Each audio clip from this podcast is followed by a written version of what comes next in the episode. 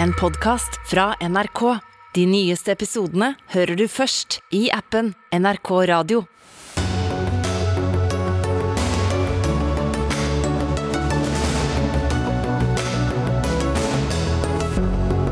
Hva bør oljefondet gjøre med investeringene sine i Russland?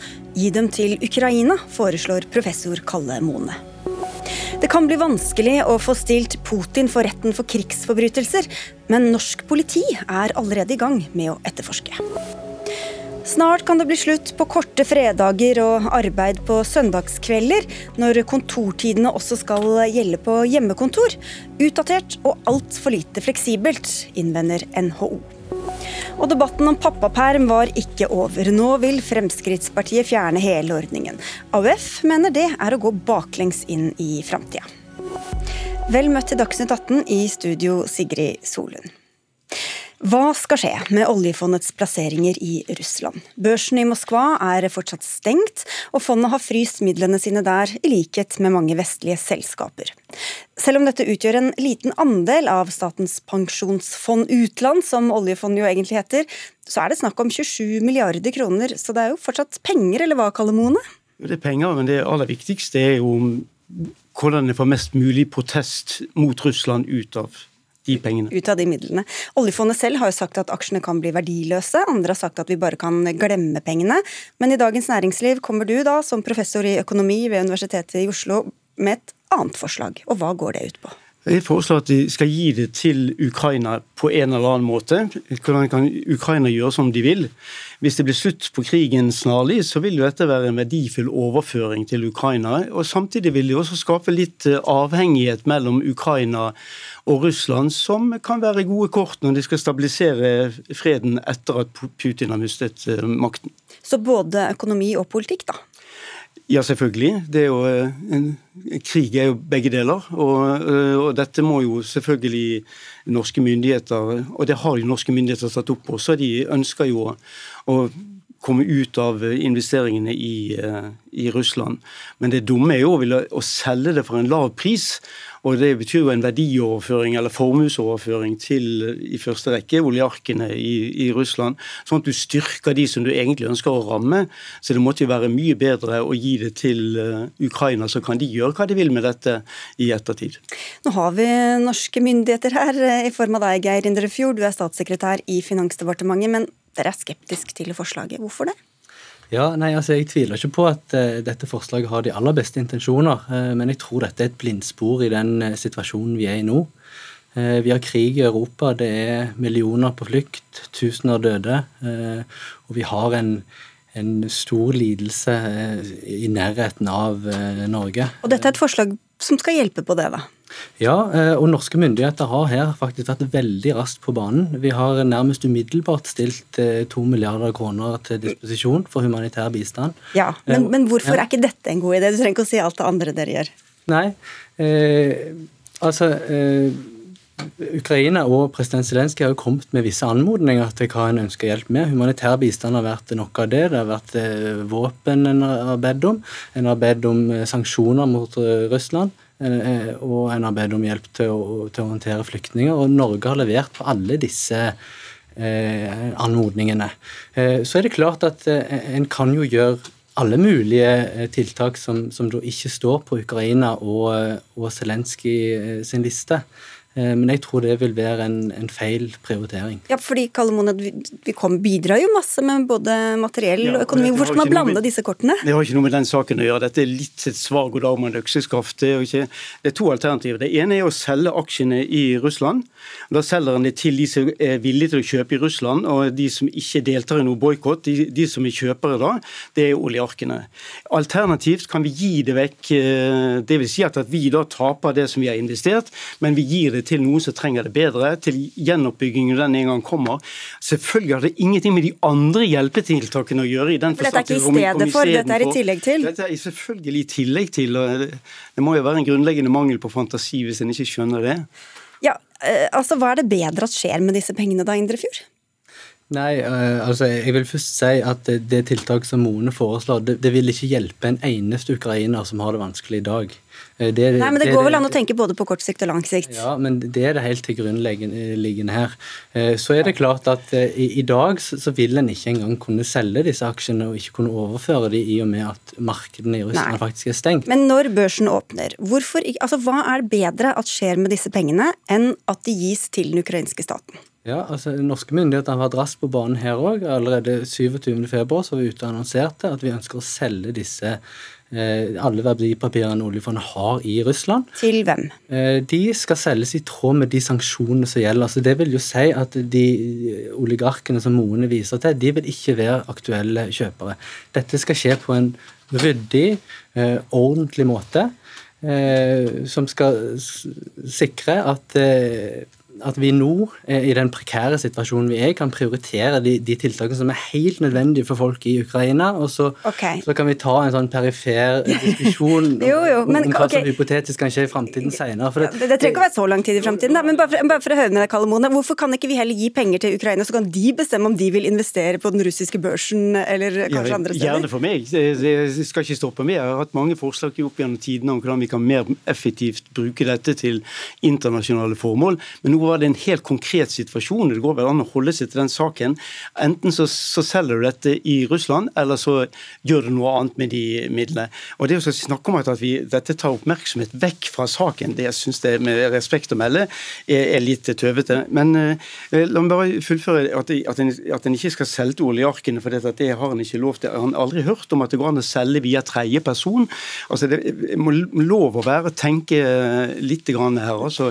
Og det, det, det er to alternativer som står mot hverandre. Enten så gjør en det, og så taper en pengene og overfører til de som blir kjøpere i, i Russland, eller så overfører en det til Ukraina. Og Det siste alternativet er så mye bedre enn det første. Vi skal høre med noen andre også som har investeringer eh, å tenke på. Kira Nazis, du er leder for ansvarlige investeringer i KLP kapitalforvaltning.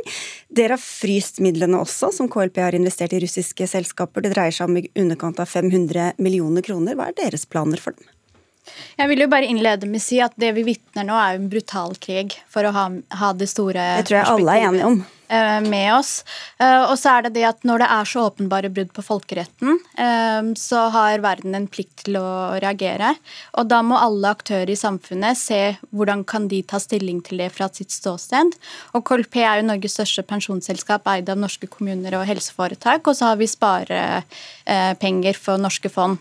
Og vi har forpliktet oss til å respektere folkeretten, og det er en ganske klar forventning om at vi skal være ansvarlige investorer. Og derfor har dere fryst midlene, skjønner jeg. Men hva er planen da videre? Eh, planen for den eh, beslutningen som ligger der, er jo det at vi har fryst midler, og så har vi ekskludert selskaper som er i Russland.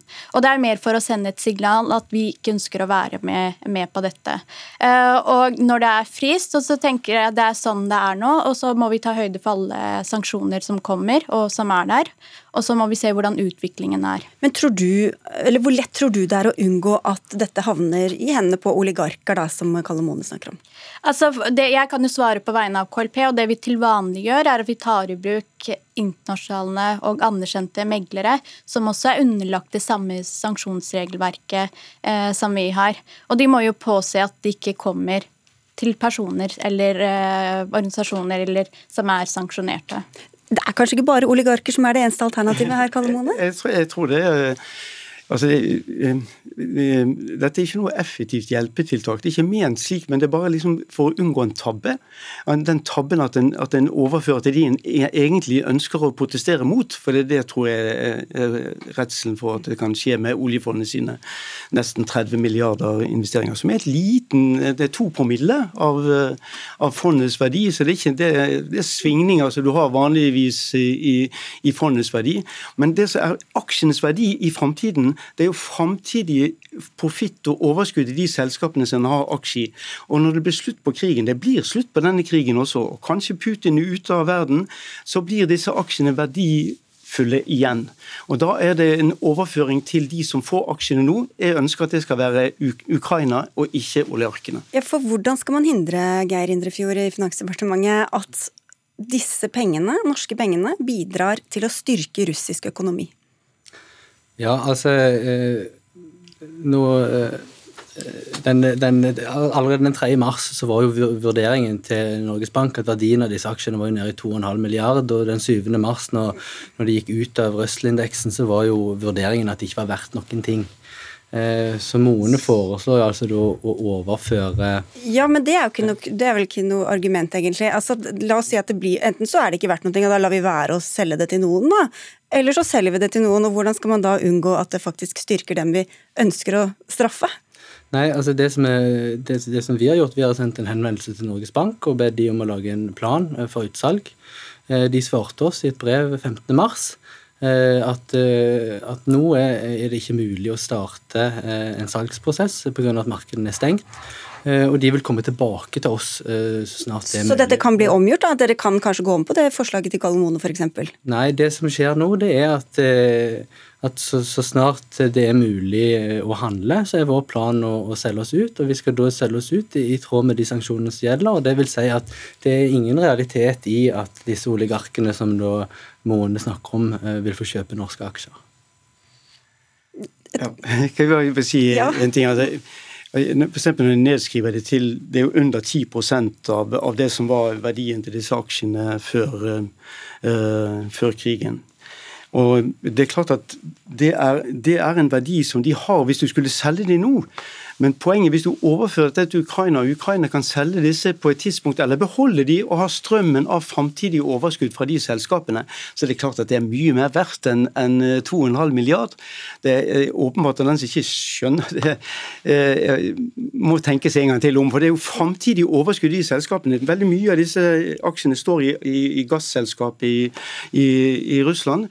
Skal den gassen ikke den verdifull lenger? Det er klart at det er en veldig verdifull ressurs de har, som eh, Ukraina da kan ha slags, en slags motytelse for de krigsødeleggelsene som de har. Det er et slags forskudd på, med Norges hjelp på krigserstatninger til Ukraina. Kiran, jeg skal høre fra KrPs side. Hvem ser dere for dere at kan ha midler til å kjøpe de investeringene dere har, når dere da Altså, det er jo mange potensielle kjøpere der, men eh, er, for vår del så har vi frysmidler, og det er der beslutningen beslutningen er. Men det er jo viktig å, altså det, kom, det, kan jo komme flere sanksjoner, og flere kan bli omfattet. Så jeg tror ikke vi er helt ferdig med de sanksjonene som kommer. Ok, Bare helt til slutt her, statssekretær Indrefjord. Hvorfor er det at vi gir hjelp på annen måte noe argument mot dette forslaget? Dette forslaget vil ikke hjelpe en eneste ukrainer. og det vi... Eh, Hvorfor ikke, hvis det får, hvis det får verdier som, til, som, strømmer til Ukraina på lang sikt? Ja, altså Vi har jo ingen garanti for at om vi da skulle få mulighet til å gi disse eh, aksjene til Ukraina, at eh, de vil komme den ukrainske befolkningen til gode på noen måte. Eh, I dag så har de ingen verdi. Eh, vi ønsker heller at nå har vi fokus på, på de umiddelbare hjelpebehovene som er. Norge har en lang historie med å hjelpe. Eh, det, akkurat i okay. år er det 100 år siden ja. Fridtjof Nansen fikk Greit, Nobelprisen. Da... Nettopp for å hjelpe med i Ukraina. Ja. Det høres ut som det falt uh, dødt til jorden, dette forslaget, Kalle Molne. Men ja, får... det, det, det, det er ikke en helt informativ debatt. Jeg er redd at en ser ikke det som er realiteten i her. Vi hadde hatt en mulighet til å gjøre noe, men det, det, det er liksom å bare forsterke det signalet. Vi ønsker å gå ut av Russland, og vi kan dermed gi noen av de ressursene eller gi de ressursene da, til Men du vil altså gi noe som Ukraina ikke ønsker, mens regjeringen ønsker å fokusere på det som Ukraina Eller ikke har kommet på å be om det, da. Det kan jo hende at han ønsker ting som han ikke har eh, ja, nå, nå, er det jo et stengt marked. Ja. Ok, ja. Nei, men dere, Vi skal snakke mer om Russland, men vi sier tusen takk til eh, dere tre. Eh, Kiran Aziz fra KLP kapitalforvaltning, statssekretær Geir Indrefjord og økonom og professor Kalle Mone.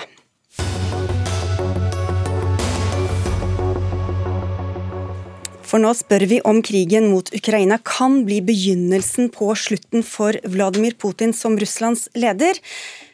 Invasjonen av Ukraina får følger også internt i Russland, noe vi skal snakke om, eh, om litt. Men først Jan Espen Kruse, som er korrespondent nå tilbake i Moskva. Det kom for litt siden en nyhetsmelding om at USA og Nato tror Hviterussland snart vil slutte seg til Russlands krigføring. Hva vet du om, om det?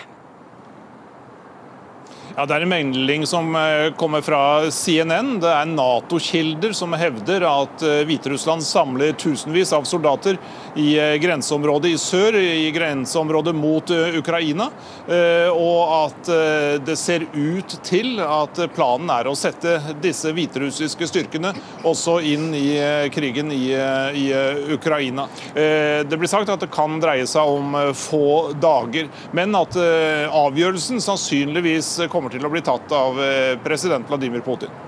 Og så kom det en annen melding i dag, nemlig at opposisjonspolitikeren Aleksej Navalnyj er dømt til ni års fengsel av en domstol i eh, Moskva. Hva er grunnlaget for dommen, og hva er hans reaksjon?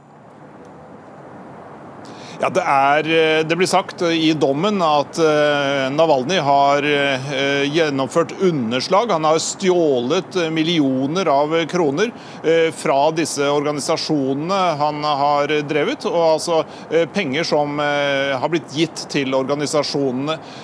dette blir blankt avvist av Navalny, også denne påstanden. Han har jo hele veien hevdet at han er uskyldig. Og det blir altså fra Norge og fra andre vestlige land sagt at eh, han må settes fri umiddelbart. Og dette er eh, enda en politisk betinget dom mot Navalny. Bli med oss videre, Jan Espen eh, Jakob Nyrup, du er postdoktor ved Institutt for statsvitenskap ved Universitetet i Oslo, og med diktaturer som spesialitet.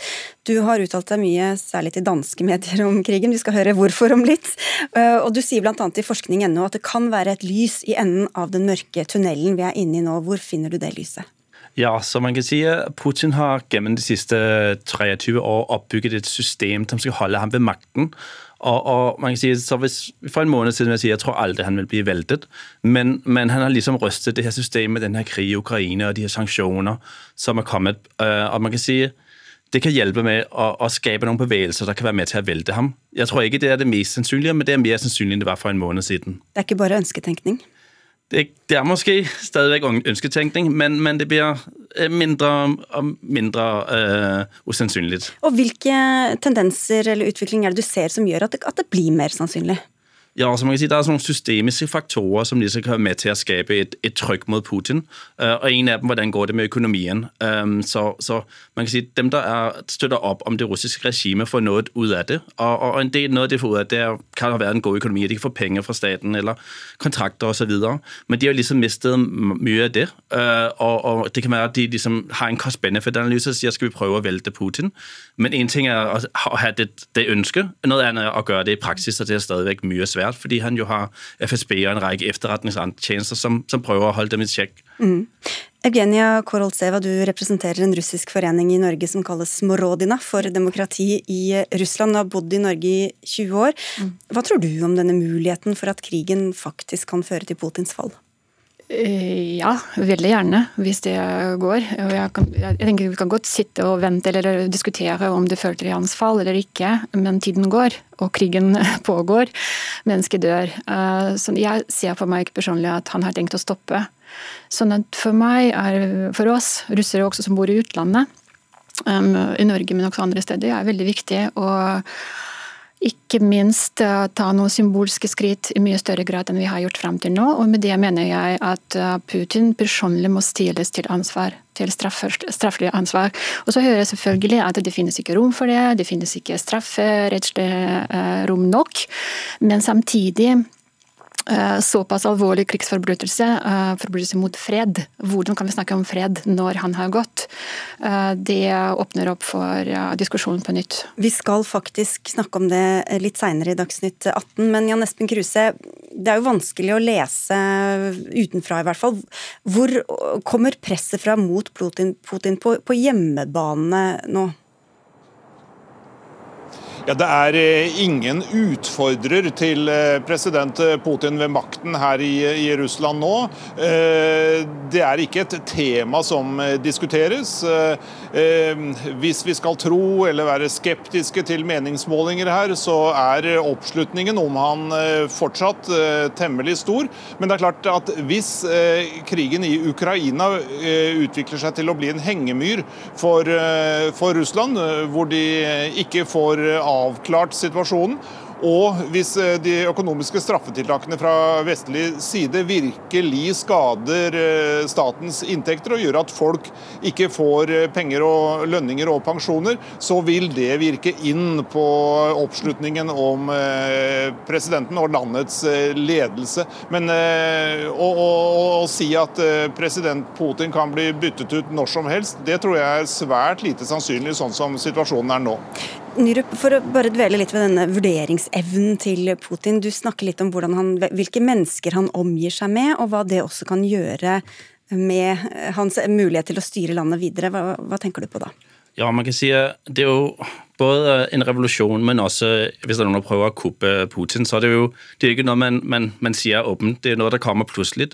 Og på samme måte også ofte revolusjoner kommer også ofte plutselig. Så, så man kan si først at noen enkelte demonstranter lige plutselig det, som vi så det arabiske forår, og også under unionens fall, øh, hvor lige plutselig så, så, faller det hele sammen. Så, så det er ikke noe som liksom sker langsomt, det er noe som ofte sker plutselig, i hvert fall historisk sett. Men vi ser jo at han omgir seg bare med ja-folk, som ikke tør å si ham imot. Hva kan det ha å si? Ja, nettopp. nettopp. Så man kan si at de, de folk der sitter rundt Putin, er jo folk der er mye lojale for Putin. I hvert fall dem der sitter i hæren og også i etterretningstjenesten. Det er jo tidligere, tidligere bodyguard, f.eks. der sitter som sjef for Nasjonalgarden. Så han har prøvd å omgi seg med folk der er mye lojale. Men selv de folk som er mest lojale, kan noen ganger godt vende seg mot øh, den, den, personen som har satt den ved posten, som man jo kjenner fra det kjente sitatet til Brutus, som jo slo Cæsar i hjel for, for over 2000 år siden. Og hvis, han, eh, hvis, ingen tør å si ham imot, så er det jo også større fare eller sjanse eller håp skal vi si, om at han gjør store bommerter. Hva tror du Evgenia Korolseva, om, om hva skal til for at russere vender seg mot Putin? Altså jeg kan tenke meg at mange russere allerede har vendt ryggen seg mot, uh, til Putin. fordi uh, Vi må tenke på at, huske på at det er mange som bor i utlandet. Det er nesten parallelt samfunn som eksisterer nå fortsatt. Uh, Diasporer i utlandet har eget flagg uten rød stripe som står for blod. Man er ikke så veldig organisert, men allikevel så man, man skaper jo ganske mye røre og deltar i debatter i respektive land som man befinner seg i. Sånn at alle selvfølgelig går og venter på at han er vekk. men Eh, det som opptar oss mest, det er krigen. Det er forbrytelser som pågår. Eh, fordi det gjør så levende, og fordi vi står sammen med ukrainere nærmest hver dag i disse demonstrasjonene og prøver å være sammen. Eh, ikke bare hjelpen, men vi må stå i og bli kalt forskjellige ting. Og, og, vi må prøve å ta ansvar. Fordi vi liksom representerer dette landet, men vi representerer ikke styret. Ikke politisk styre på ingen måte. Sånn at vi kan selvfølgelig sitte og vente, men, men igjen, symbolikken her er viktig. Eh, jeg er personlig opptatt av å kalle Putins styre ikke for politikere. Dette er ikke politikere som er valgt på legitim måte. Det er illegitim politisk ledelse. Og det er kriminell politisk ledelse som vi snakker om nå. Så igjen, det må være straffelig, uh, straffelig rom internasjonalt, tenker jeg, i, i, innenfor FN-systemet. Vi, vi, har fortsatt for generalforsamling i FN, og hver enkelt land kan faktisk komme med um, ikke direktiver, men med forslag til å stille til personlig ansvar en statsleder ledig. Og det er den eh, veien eh, helst vi bør gå, tenker jeg. Til slutt, eh, Jan Espen Kruse. Mm, du var jo her og snakket om den nye loven som ble vedtatt mot falske nyheter, eller hva det, var, det ble kalt, i, i Russland. Og så hørte vi en sak i dag morges om dødstall blant russiske soldater som ble publisert, for veldig snart å bli avpublisert. Hva er det russere nå får vite om krigen i Ukraina? De får vite at eh, krigen pågår, de får vite via statlige medier at eh, det er harde kamper. Eh, men de får ikke vite noe grunnleggende om de russiske tapene. De får ikke vite hvor russiske styrker går på nederlag. Så det er et penere bilde de presenteres for hele tiden. Men hvis man tolker det som russiske medier formidler, så, så blir det sagt at dette går ikke så raskt som man hadde trodd trodd til å begynne med. Eh, selv om eh, president Putin sier at alt går etter planen. Det er eh, uttrykket som brukes her. Men hvis man følger litt godt med, så vil man forstå at, at de russiske styrkene møter på betydelige vanskeligheter, og at kampviljen fra ukrainsk side er, er veldig stor. Takk skal du ha, Jan Espen Kruse, og tusen takk til dere i studio. Evgenia Korolseva fra Smorodina og Jakob Nyrup eh, fra Institutt for statsvitenskap ved Universitetet i Oslo.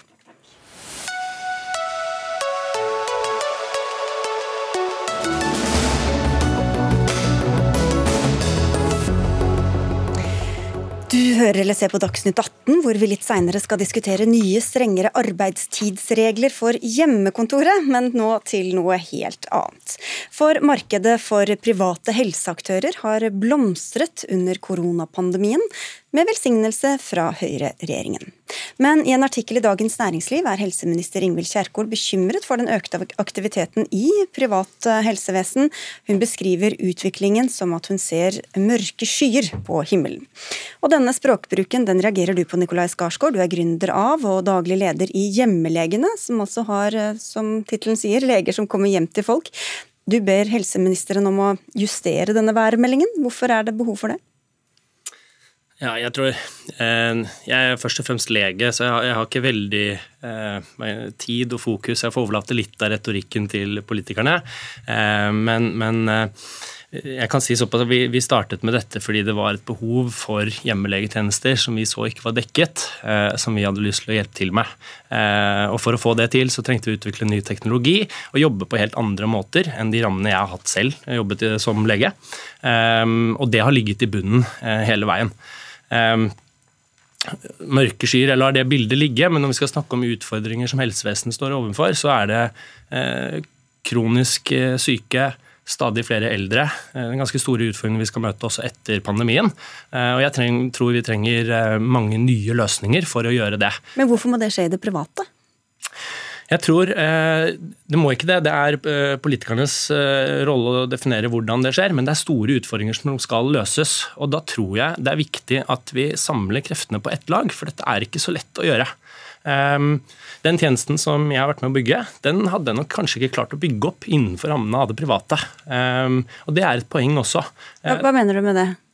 Ehm, vi har jobbet med dette, satset, satt sammen en teknologi som gjør at vi altså, Mente du innen det private eller innen det offentlige? Nei, innen det offentlige. Ja, nettopp. Ja, det var det som var litt forvirrende. Ja. okay, okay, innen det offentlige så ville det vært vanskelig å bygge den type tjeneste. Ha den samme måten å skru det sammen på. Okay. Jeg tror vi trenger flere innslag av den innovasjonen, for det kommer pasientene til gode til, til slutt.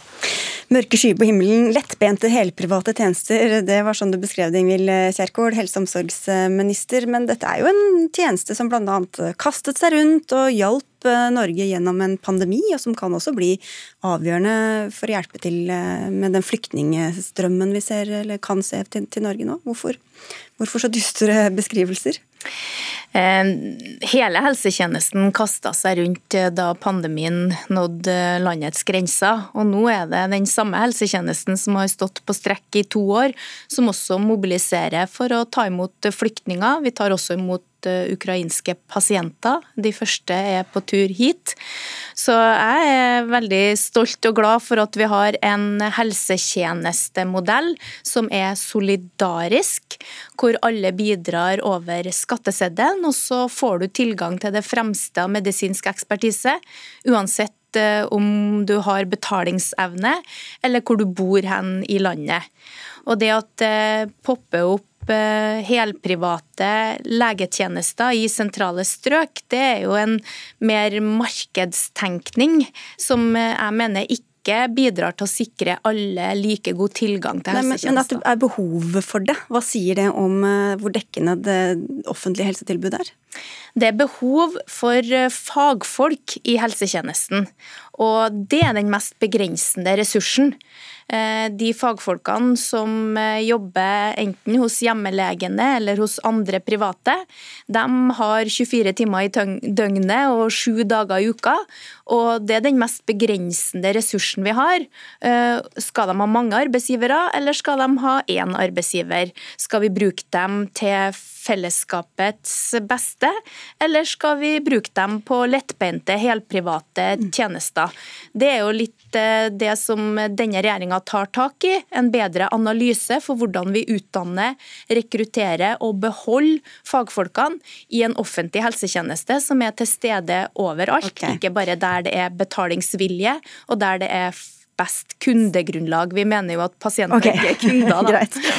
Skarsgård, du sa jo selv du kommer fra det offentlige helsevesenet. Du og alle de andre legene altså, uh, har fått gratis uh, undervisning eller gratis uh, utdanning til å bli lege, sikkert jobbet flere år i det offentlige, og så skal man ut og tjene penger for private helsevesen. Hvorfor er det rimelig? Vi tvinger jo ikke ingeniørene våre heller til kun å jobbe i de offentlige delene eh, av arbeidsmarkedet. Eh, så det er jo litt spesielt at vi skal tvinge en arbeidsgruppe til å gjøre det.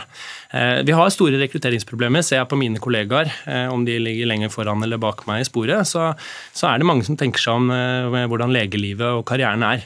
Eh, så syns jeg synd hvis vi skal løse det ved å ta bort de alternativene som noen syns er fine å jobbe for. Vi skal altså ta bort konkurrentene istedenfor å løse det at eh, man ikke er like attraktiv som arbeidsgiver. Så Det er ett poeng jeg har lyst til å ta fram. Og Det andre som jeg har lyst til å eh, poengtere, er at jeg overlater politikken, men jeg syns det er et viktig poeng at det at vi kun er til for de som kan betale, er en politisk villet Eh, handling. Fordi i dag er refusjonssystemet skrudd sammen slik at vi kan ikke hjelpe over refusjonsordningen. Mens i skolesystemet og andre deler av samfunnet så følger refusjonen etter den personen som trenger den tjenesten. Det har man da valgt å ikke gjøre, mm. og da gjør okay, man det til en tjeneste. Du skal få svare, Kjerkol, men vi skal få inn deg også, Tone Trøen. Du eh, sitter i eh, helse- og omsorgskomiteen på Stortinget for Høyre, og du reagerer også på uttalelsene fra helseministeren. En fiendtlig innstilling har du kalt det. Hva er det som er så fiendtlig ved å ville kanalisere pengene inn i det offentlige i stedet for inn i det private? Nei, for Det de ikke tar inn over seg, er jo den veldig veldig store demografiske utfordringen vi har. altså De store utfordringene vi står overfor i årene fremover. Og som Skarsgård også sier, eh, vi har egentlig bruk for alle gode krefter til å løse dette fremover. Vi trenger en velferdsmiks. Altså, det er både det offentlige og private har mange felles utfordringer når det gjelder rekruttering, når det gjelder å finne nye tekniske løsninger og innovere, slik at vi virkelig kan hjelpe flest mulig. Eh, og Da tror vi en velferdsmiks er viktig. Vi trenger å ta i bruk alle krefter. Og det er jo ikke sånn eh, at eh, gode helsetjenester kun leveres i det offentlige. Veldig mange private aktører har avtale med det offentlige. Vi skulle ønske at det var flere. Nå har vi fått en regjering som ønsker å uh, fjerne mulighetene, altså pasienters valgfrihet. Og det det vil Men, føre til, mm.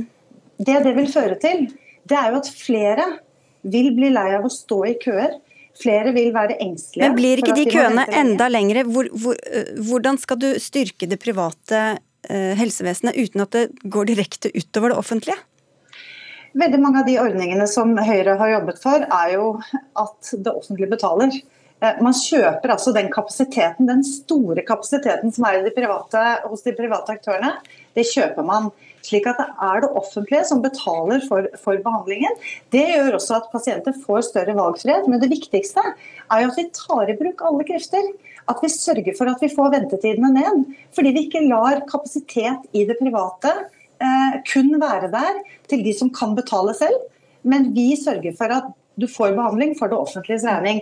Og det er jo veldig krevende framover og veldig dramatisk hvis vi har en regjering som vil fjerne alle disse gode kreftene. Ok, for Du ønsker jo ikke å gå inn på noen av de forslagene, eller du ønsker ikke å uh, gå med på noen av de forslagene som kommer her, Kjerkol, om bedre betingelser? Nei, her, her syns jeg det var mye snørr og barter. Eh, hjemmelegene er et helprivat eh, tilbud. Eh, Tone Trøen snakker om Høyres privatiseringsreformer, hvor man eh, finansierer nærmest en etableringsrett for private, og så får man betalt av eh, de offentlige helsekronene. Så to ulike debatter. Ja, Men dere men, vil ikke ha noen av dem? Nei, men vi, det, det, er så enkelt uh, som at her er det politiske forskjeller. Og jeg er uenig både med hjemmelegen som sier at uh, gjør det en sammenligning med ingeniørene. Dette er ikke ingeniørtjenester, dette er helsetjenester. Og Stortinget har gitt alle innbyggerne i Norge rett til helsehjelp, finansiert over det offentlige.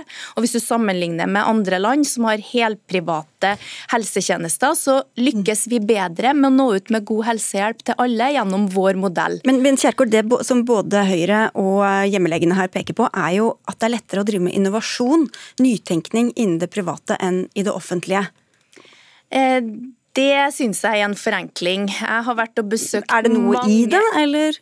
Jeg tror at både offentlige og private kan være gode på å drive innovasjon. Jeg har reist eh, nok rundt omkring i ulike deler av helsetjenesten og sett på gode innovasjoner både innenfor private, ideelle, som har avtale med det offentlige, og som på mange måter driver som en integrert del av vår felles helsetjeneste. Og jeg har sett sett helkommunale tjenester som har utvikla innovative løsninger. Så jeg tror at vettet er ganske likt fordelt, og fagfolks indre driv til å utvikle faget sitt, den er òg ganske godt fordelt. Og det er, det er et ansvar den offentlige helsetjenesten har om både å utdanne, forske og sikre lik tilgang, som de mer lettbeinte helkommersielle kan velge bort. Og Da er det de pasientene som trenger helsetjenesten mest, som eh, vi mener blir taperne. og Da kan vi se til andre land okay. som har en kommersiell bare, helsetjeneste. Det er så mange deler av helsevesenet vi snakker om på en gang her, men bare for å ta den delen som de fleste har mest med å gjøre, Tone Trøen, nemlig fastlegeordningen. Fastlegene melder om en ordning som er i ferd med å gå helt opp i liminga. Hva tror du skjer med den hvis flere og flere går over i det private helsevesenet? Altså fastlegene, Majoriteten av fastlegene i Norge er jo selvstendig næringsdrivende. Altså De driver jo privat. Eh, det synes Arbeiderpartiet er helt eh, OK, det synes vi i Høyre også. Eh, så finnes det også kommunalt ansatte fastleger. Vi er nødt til å sikre en fastlegeordning som fungerer. Det er viktig, og det startet Høyre også opp med i regjering. Men, men jeg mener faktisk at Ingvild Kjerkol må svare på hvordan vi skal håndtere de store okay, utfordringene. Men de store utfordringene de, de rekker vi ikke, for vi har bare ti sekunder igjen. Du kan få fem sekunder hver av dere her i studio. Ja, Hvis man er bekymra for demografi, så er altså det her et helprivat tilbud etablert seg i den kommunen med yngst befolkning. Så det syns jeg okay. falt på sin egen, urimelig, sin egen, urimelighet. Da skal du få Men det er ganske ja. Hvis eh, man hadde ønsket å sørge for lik tilgang, som er et viktig prinsipp, og det offentlige er bærebjelken, det tror jeg alle er enige om, så kunne man fått kontroll og sørget for at ressursene brukes på riktig sted, og at tjenesten leveres på en sånn måte måte man vil, gjennom å muliggjøre refusjon. Så jeg tror dessverre at man det, oppnår det motsatte av det du en, egentlig vil. Ja. Får vi følge opp en annen gang. Vi har en fastlegetjeneste over hele landet som eh, høyreregjeringa ikke gjorde nok for. Nå, ok, ok, ok, nå, nå går vi beveger oss i mange skjønner. Ok. Takk skal dere ha alle tre, Nikolai Skarsgård fra Hjemmelegene, helseminister Ingvild Kjerkol og Høyres Tone Trøen.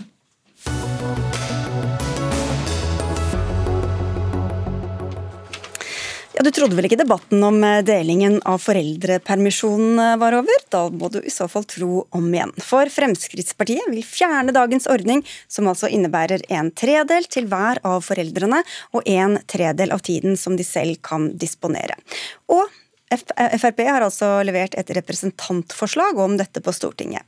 Julianne Ofstad, du er vara til sentralstyret i FPU, altså ungdomsorganisasjonen. Hva er det som fungerer så dårlig med dagens ordning at dere vil skrote hele? Nei, Vi har jo vært helt tydelige på hele tiden at vi ønsker at eh, foreldrepermisjonen skal være fri fordelt. Nettopp fordi vi mener at det er familiene selv som best vet hvordan de skal fordele permisjonen. Det er mange forskjellige familier, mange forskjellige behov. og Derfor mener vi det er helt feil at det er politikerne som skal sitte og bestemme hvordan familiene skal legge opp dette. Og Hva tror du da skjer med hvem som kommer til å ta ut den permisjonen? Vi vet at det i stor del er kvinner som tar ut permisjon, men jeg mener jo selvfølgelig det er kjempebra hvis fedre tar ut permisjon. Og jeg håper også de tar ut de 15 ukene de skal. Men det vi ser, det er jo at det har vært stor misnøye mot den ordningen som er i dag. Og det er ikke fedrene som er misfornøyde med at de får ta ut eh, sin kvote. Det er mødrene som er misfornøyde med at de får mindre foreldrepermisjon enn det de gjorde tidligere. Og da ser vi også at mange kvinner velger å ta ut mer i ulønna permisjon, f.eks. Astrid Hoem, du er leder i AUF. Hva sier det deg at denne debatten kommer opp igjen? Det er jo ganske typisk. da, Det er jo med jevne mellomrom at vi opplever at høyresida angriper fedrekvoten. Og det vi vet av erfaring, fordi de fjerna jo deler av fedrekvoten eh, sist gang Høyre satt i regjering, er jo at uh, man tar ut det antallet dager som man har. Så når fedrekvoten går ned, så tar også fedre ut mindre pappaperm. Når fedrekvoten går opp, så tar også fedre ut mer pappaperm. Og det man egentlig gjør med det forslaget, her, er at man flytter den rettigheten som fedre har i dag, til en kjøkkensbordsforhandling. eller eller til at man må eh, be på sine knær til arbeidsgiver om å få lov til å ta ut pappaperm. Men en annen av grunnene til at den kommer opp igjen stadig, er jo fordi at det er en del som er misfornøyd med den. Og dere er jo opptatt av likestilling da på et samfunnsnivå, kanskje særlig. Men hvorfor skal hver enkelt person eller familie måtte tvinges inn i ordninger for å oppnå det samfunnsidealet? Altså, det er også fordi at vi vet at eh, det er større sannsynlighet for at man både ansetter kvinner og menn i fruktbar alder, når det er sånn at man vet at det er like stor sannsynlighet for at begge to skal ut i foreldrepermisjon. Og det går ganske hardt utover kvinner, selv om det i dag er ulovlig å diskriminere på kjønn eller på alder. Så vet vi jo at det er ofte mange arbeidsgivere som kvier seg for å ansette damer, nettopp fordi at man er redd for at de skal være borte lenge fra arbeidslivet. Vi har sett eksempler på det Dagens Næringsliv skrev om for noen år siden, der menn i finansbransjen fikk bonuser for å ikke ta ut pappapermisjon. Det blir jo ikke et fritt og selvstendig valg for den enkelte familie når du ser at arbeidsgiver gir bonuser til fedre som ikke gjør det, eller det du ser på andre sida at man ikke får de jobbene man nødvendigvis ønsker fordi at man blir diskriminert på bakgrunn av det. Så det er ikke en reelt fritt valg, sånn som FU her tror det. Ofstad. Ja, jeg mener jo det er helt uh, klart at uh, de problemene man eventuelt ser i arbeidslivet, det, det, er ulovlig å diskriminere mellom kvinner og menn nettopp på disse tingene. Da må man jo ta et oppgjør med det, fremfor at man skal kjempe den kampen i familiene. Jeg mener at Men Det er jo vanskelig å vise at det har vært diskriminering. da. Også Næringslivet ønsker jo en sånn tredeling og en egen kvote til, til far. Nettopp fordi at da skal man lettere kunne ansette kvinner og ikke tenke på om hun blir lenge eller kort borte. Ja, men uh, som sagt så er det man skal ikke diskriminere på kjønn i arbeidslivet arbeidslivet. Da må man heller eh, finne gode løsninger for å sørge for at det ikke skjer, fremfor at politikerne skal stå med pekefingeren og fortelle familiene hvordan de skal fordele permisjonen. Det mener vi er feil. Da må man heller ta et oppgjør med de eh, eventuelle holdningene som, man, eh, som kan finnes noen steder, men på et generelt grunnlag så mener vi at foreldrepermisjonen den er det foreldrene som best vet hvordan man skal fordele. Men det er jo ikke et reelt fritt valg når man ser det at bedrifter har gitt bonuser til fedre som, eh, som lar være å ta ut pappaperm. Det er ikke et reelt fritt jo, valg. Så, så, ble det skrevet om det, og da sa de det skal vi slutte å gjøre. Ja, Det er jo også bra, men vi vet at det kommer til å dukke opp i større og større grad når den fedrekvoten også blir frivillig å ta ut, hvis forslaget til FPU går gjennom. Og så handler det også i tillegg om likestillinga over tid i arbeidslivet. For det at man har en tredeling av foreldrepermisjon, det at også far tar ut en del av eh, permisjonen, det gjør også at ikke mor blir hovedomsorgstaker, og det gjør at mor også får tettere tilknytning til arbeidslivet. Og Det er også bra for arbeidslivet og likestilling av arbeidslivet. så det er mange aspekter som gjør men, at Men hvorfor skal små spedbarn brukes som brikker for å oppnå den likestillinga i arbeidslivet? Altså, Vi har hatt fedrekvoten i ganske lang tid, og jeg tror det er ingen barn som har tatt skade av å være mer sammen med far. Heller tvert imot så tror jeg det er positivt også for ungene å få tettere tilknytning også til far. Og vi vet jo at det er ganske mange fedre som gjerne kunne tenkt seg å ha tatt ut mer pappaperm, men som opplever at denne forhandlinga også rundt kjøkkenbordet er vanskelig. Og jeg syns den tredelinga har gagna Norge godt, og da syns jeg også at det er rart at man foreslår å fjerne den, når man vet at det betyr også at fedre tar ut mindre pappaperm. Og hvis vi vet at det er det som skjer ofte, så sier dere at ja vel, da er det det som skjer, fedre kommer til å være mindre hjemme, men det er verdt det. Altså, eh, det vi vet i dag, er jo at det er mange kvinner som tar ut ulønna permisjon, f.eks. For eksempel, nettopp fordi staten forteller dem at de ikke får lov til å være lenger sammen med barna sine. Det gjør at de også mister rettigheter i form av opptjening av pensjonspoeng, f.eks.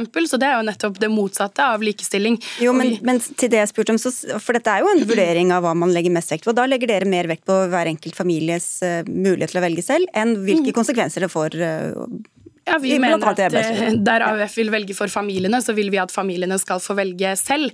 Og det er jo helt tydelig at Eh, at det er forskjeller her. Altså, eh, vi vet for eksempel, altså, vi har kommet veldig langt med likestilling i arbeidslivet, det er kjempebra, men det vi ikke kommer unna, er at det f.eks. er kvinnene som ammer barn. Det, det kommer man ikke unna, og derfor har de også en særstilling i barnets første levetid. Og vi vet også at eh, Helsedirektoratet de anbefaler at man ammer barn i et år, og for de som får til det og ønsker det, så er det kjempebra.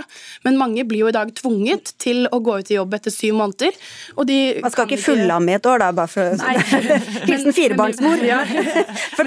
ja. Vi vet at veldig mange kvinner må ut i arbeidslivet før de ønsker det, og vi mener at det er viktig at familiene får bestemme dette selv. Ja, fordi det er jo noen HMD som syns at dette er vanskelig, enten at de er kanskje ikke er kommet helt i form, eller at babyen eh, ikke tar så godt eh, mat, eller at eh, barnet ikke utvikler seg så fort som det skal. Så det er jo litt sånn rigide ordninger som går utover noen familier. Men her kunne FPU f.eks. For foreslått at man skulle ha utvida hele foreldrepermisjonsordninga, eller man kunne sett på de ulike opptjeningsmulighetene osv. Ja, det koster penger, men eh, det er også et valg man tar, kan man prioritere. Men i stedet for så eh, foreslår man konsekvent å kutte i pappapermen.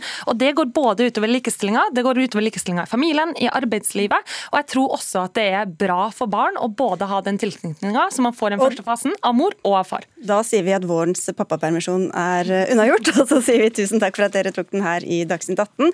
Julianne Ofstad fra FPU og Astrid Hoem fra AUF.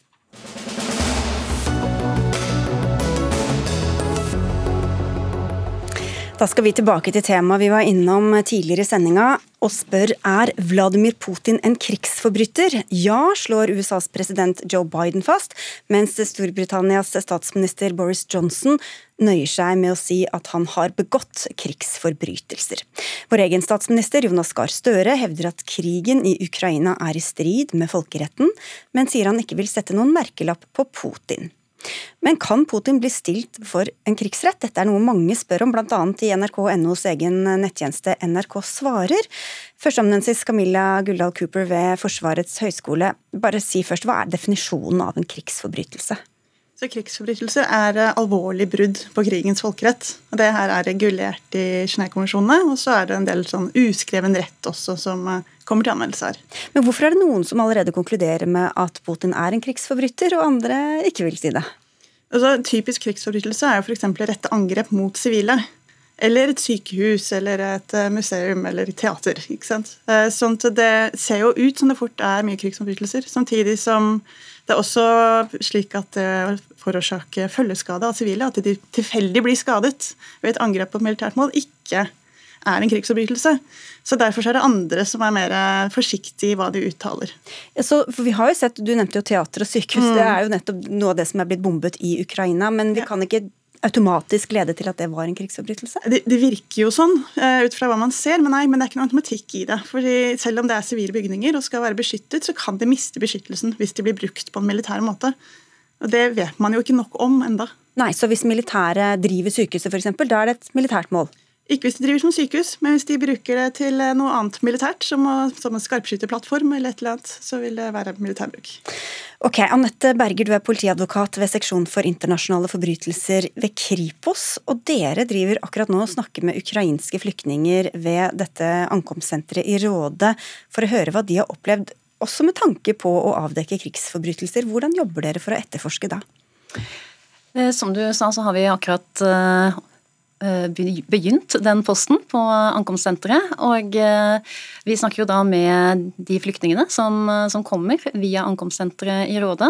Eh, vi har en, en måte å snakke med de på hvor vi innhenter egentlig litt overordnet informasjon i første runde. For har de vært øyenvitne til, eller har de opplevd eller er ofre for krigsforbrytelser, eller det de mener er krigsforbrytelser.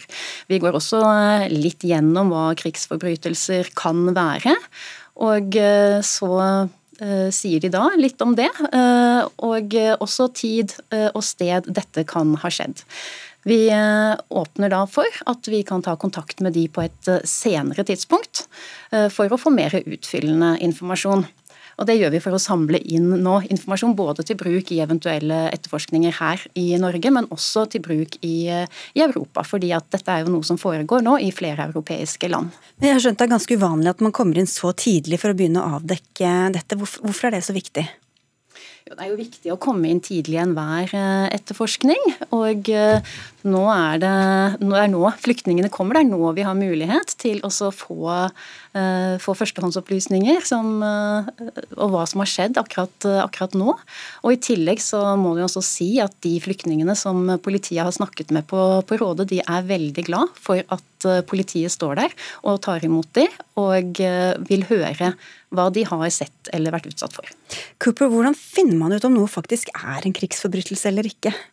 Det må jo være en eh, domstol som vurderer. Men det er jo denne informasjonen som de har, som vil da være helt sentral for å begynne å avklare hva er det egentlig som har skjedd.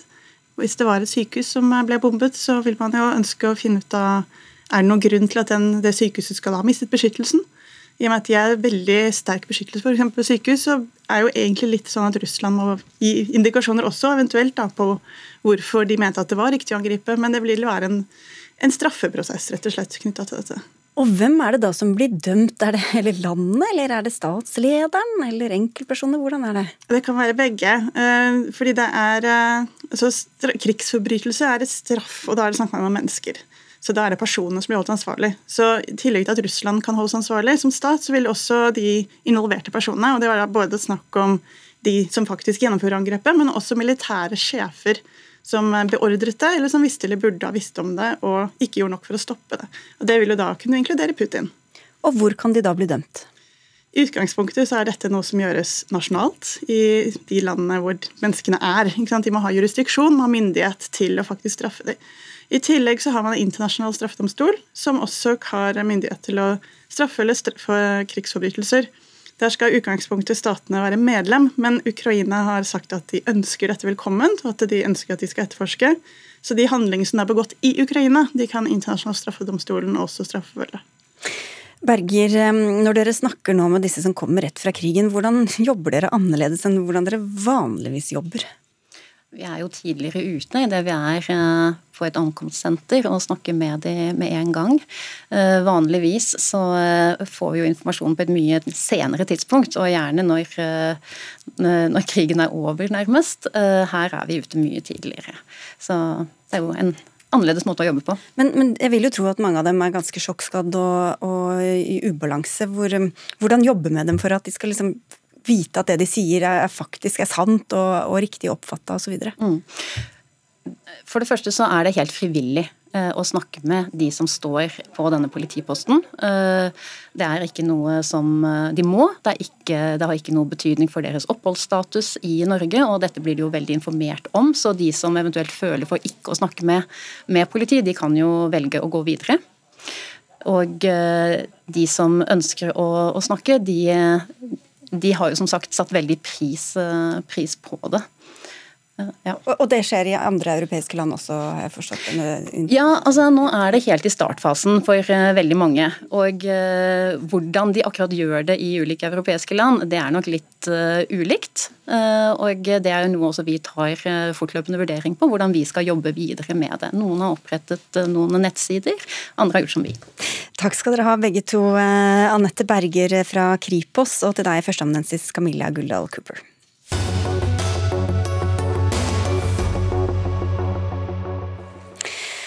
Samtidig som mange arbeidsplasser forsøker å lokke, eller skal vi si tvinge, arbeidstakere tilbake på kontoret, så er det nye regler på vei for eh, hjemmekontor.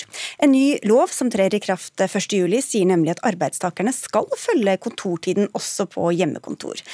Julie Lødrup, du er førstesekretær i LO, Norges største arbeidstakerorganisasjon, minner vi om. Og dere har kjempet for denne lovendringen. Hvorfor er dette med fast arbeidstid så viktig? At folk eh, trenger et eh, skille mellom jobb og fritid. Eh, og det skillet er vanskeligere å opprettholde på hjemmekontoret enn ellers. Og det er derfor ikke noe mening at der skulle arbeidstiden kunne flyte mye mer ut enn det man kan når man er på selve jobben sin.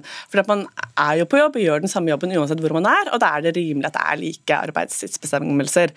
Og for det er jo ikke sånn at folk trenger mindre vern på hjemmekontoret, snarere tvert imot. Hvis du er på jobben, så er det jo tillitsvalgte, verneombud, kollegaer, ledere som ser ser deg. Eh, hvis du er på hjemmekontoret, så har du ikke det i samme grad, og er egentlig mer avhengig av gode vernebestemmelser enn det du er hvis du er på jobb. Likevel ønsker ikke dere denne lovbestemmelsen velkommen. Nina Melsom, du er direktør for arbeidsliv og tariff hos eh, NHO og representerer da mange arbeidsgivere. Hvorfor er dere så skeptiske? La meg starte med å si at jeg er veldig enig med LO i at vi skal ha et godt vern for arbeidstakerne. Eh, det er viktig fordi de skal ivaretas. altså Arbeidstakerne er jo bedriftenes viktigste ressurs. Eh, og uthvilte arbeidstakere, det tjener bedriftene godt også. Eh, og her er, ikke, ja, her er det ikke snakk om å jobbe mer. Det som vi er opptatt av, er hvordan man kan plassere arbeidstiden. Og det er jo sånn at når man jobber hjemmefra, så tenker vi at det bør være større rom for å plassere den arbeidstiden på litt andre tidspunkt enn det man gjør hvis man er på, på jobb. Ja, bare for å høre, Lødrup, Hvis man drar på hytta klokka tolv på fredag, og så tar man igjen de timene søndag kveld, da bryter man loven, da? Ja, altså, Vi er jo redde for at fleksibiliteten eh, for mye vil bli på arbeidsgivers eh, premisser. Eh, og det gir ikke noe mening at i dag kan ikke sjefen din si i en vanlig situasjon Kan ikke du komme på kontoret og jobbe hele søndagen? Men man kan si du kan ikke du ta en hjemmekontordag og jobbe hele søndagen. Men Hvis man velger det selv, da? Ja, altså, Man kan ha lokale avtaler som har endret det, uh, der du kan jobbe på forskjellige måter. så Det er loven helt åpen for. og det er også blitt lettere å vedta, eller ikke vedta, men bli enige om lokale avtaler om endret arbeidstid nå enn siden 2002. Men da må det nettopp være avtaler på bedriften. For det er ikke eh, et jevnt maktforhold mellom arbeidsgiver og arbeidstaker. Og da trenger man den avtalen, ikke bare det at liksom sjefen kan spørre deg, og du eh, får et spørsmål, føler kanskje det er et pålegg. Hvis jeg hvis vi går tilbake til våre medlemsundersøkelser, så er de veldig entydige på at eh, fremtidens arbeidsliv så ønsker arbeidstakerne større fleksibilitet, både med hensyn til hvor de skal jobbe og når de skal jobbe. Og sånn som LO argumenterer, så er det sånn at eh, de vil forby sine medlemmer, men ikke bare sine medlemmer, men alle arbeidstakere å jobbe på en søndag eller klok etter klokken ni på kvelden for å ha litt kortere arbeidstid på mandag. For enten å kanskje ta seg av barna sine, eller gå en skitur, eller liksom Eh, gjøre andre ting. Og det syns vi ikke rimer helt med. fordi at de arbeidstidsbestemmelsene vi har i dag, de er på mange måter lagt opp til en tid, en industriarbeidersamfunnet, hvor vi jobber på fabrikken eller på arbeidsplassen. Mens nå når vi går inn i fremtiden, som er mer tjenestebasert, så tenker vi at dette er naturlig at arbeidsgiver og arbeidstaker finner ut av sammen. For Du sier at det er bakstreversk og gammeldags, men for et par år siden så var det ganske mange, eller i hvert fall noen store bedrifter som tok grep for at de ansatte ikke skulle være konstant eh, pålogget. Frankrike innførte en egen lov hvor de skulle verne de ansattes, eh, eller folks eh, digitale liv. Volkswagen stengte serveren for 1000 ansatte på kvelden og på natta. Er det også bakstreversk og gammeldags? Nei, jeg tenker at jeg vil tilbake til det jeg sa, at vi ønsker en lov som gir vern. fordi at uthvilte arbeidstakere det tjener både samfunnet og bedriften og den enkelte veldig godt. Så vi skal ha et godt vern i bånn. Og vi skal ha et godt arbeidsmiljø i Men Hvordan skal man klare det når man kanskje bruker den samme telefonen, den samme PC-en, og hindre at arbeidslivet jo, altså Vi har et veldig tillitsbasert eh, arbeidsliv i Norge. Vi tror at dette er noe som kan løses i dialog mellom arbeidsgiver og deres eh, ansatte. For det er ganske stor forskjell på en industribedrift og en annen type bedrift, eh, hvor også arbeidstakerne kunne tenke seg å jobbe litt annerledes enn det de gjør i dag. Og du tar jo fleksibiliteten vekk fra arbeidstakerne også, Ludrup. Ja, men store forskjellen mellom en industribedrift og en bedrift hvor det er gode muligheter for hjemmekontor, er jo nettopp at i en industribedrift så går du da fra jobb, og da sa du ha det til jobben når du gikk ut av den døren. Eh, så det er jo nettopp de som både er på hjemmekontoret eh, og har muligheten til det, som virkelig trenger disse eh, vernereglene. Og NHO organiserer jo arbeidsgivere, men vi organiserer jo nesten en million arbeidstakere. Og tilbakemeldingen fra dem er at de nettopp ønsker seg klare regler, fordi at den ubalansen som er i makt i arbeidslivet, der det er arbeidsgiver som har mest makt, også gjør at fleksibilitet gjerne blir på arbeidsgivers premisser. Men du sier gjerne, men hva med virkeligheten? da? Hva med de som har lyst til å hente i barnehagen halv fire og heller jobbe en time på kvelden. Men da har man muligheten til å avtale lokalt? Nei, det har man ikke. For det, man har ikke muligheten til å jobbe på søndag f.eks. eller etter klokka ni. Da har man en mulighet til å avtale det lokalt, ja. men da skal du ha elleve timer hvile etter. Så da kan du ikke begynne å jobbe tidlig på dagen igjen. Så jeg tenker igjen så handler jo dette om at man må finne regler på den enkelte arbeidsplass. Og er det noe koronatiden har vist, så er det det at bedriftene er også veldig opptatt av at dette skillet mellom privatliv og jobb ikke blir helt sammenblandet. Vi trenger å koble av, vi skal koble av. Det gjør oss godt, og det klarer man å finne ut av. Det er vel lettere det når man vet at du skal jobbe fra åtte til fire f.eks., enn at du liksom bare må finne litt ut av det telle timer sjøl? Da er man tilbake til disse medlemsundersøkelsene sant, som i all tydelighet viser at vi ønsker en større grad av fleksibilitet. Så da må vi klare å finne ut av det sammen, istedenfor å lage noe som er helt likt for hele samfunnet. For vi har ulike behov, avhengig av hvilken livsfase vi måtte være i. Men i deres medlemsundersøkelser så spør dere jo arbeidsgivere, siden dere organiserer arbeidsgivere. og Det er jo ikke rart at arbeidsgiverne ønsker eh, mer fleksibilitet, og at de i større grad nettopp kan be enkelte arbeidstakere du kan ikke du jobbe på søndag, kan ikke du gjøre det? Eh, men, eh, men arbeidstakere eh, har jo mye større interesser av at det er et vern, at det vernet gjelder på hjemmekontoret, eh, og at man på en måte gjør jobben. Og når den, de gamle reglene ble innført, så var jo hjemmekontoret litt sånn uvanlig og sjeldent. Og det gjaldt bare særlig folk som gjerne hadde eh, høy utdannelse og veldig frie og selvstendige yrker, hvor det kanskje i større grad føles som en styrke. Men nå etter koronaen så har jo veldig mange folk vært på hjemmekontoret, også folk som ikke har fleksible yrker, som i enda større grad trenger det vernet. Vi må avslutte straks, men Melsom, kan det hende at man ønsker seg mer fleksibilitet, men man vet ikke helt egentlig hva det fører til, og ikke nødvendigvis alltid er best til å liksom skjønne eh, følgene av eh, sine egne valg? Ja, jeg tror, altså, jeg tror tilbake til at det er et grunnleggende behov for å ha gode verneregler og gode arbeidsmiljøregler. Så dette handler mer om hvordan vi utformer dem for morgendagens arbeidsliv. Og det trer i kraft altså ikke som 1. juli, så sier vi tusen takk, og dere kan tre av. Nina Melsom fra NHO og Julie Lødrup fra LO. Og vi sier takk for følget fra Sara Victoria Rygg, Helje Svensson og Sigrid Solund.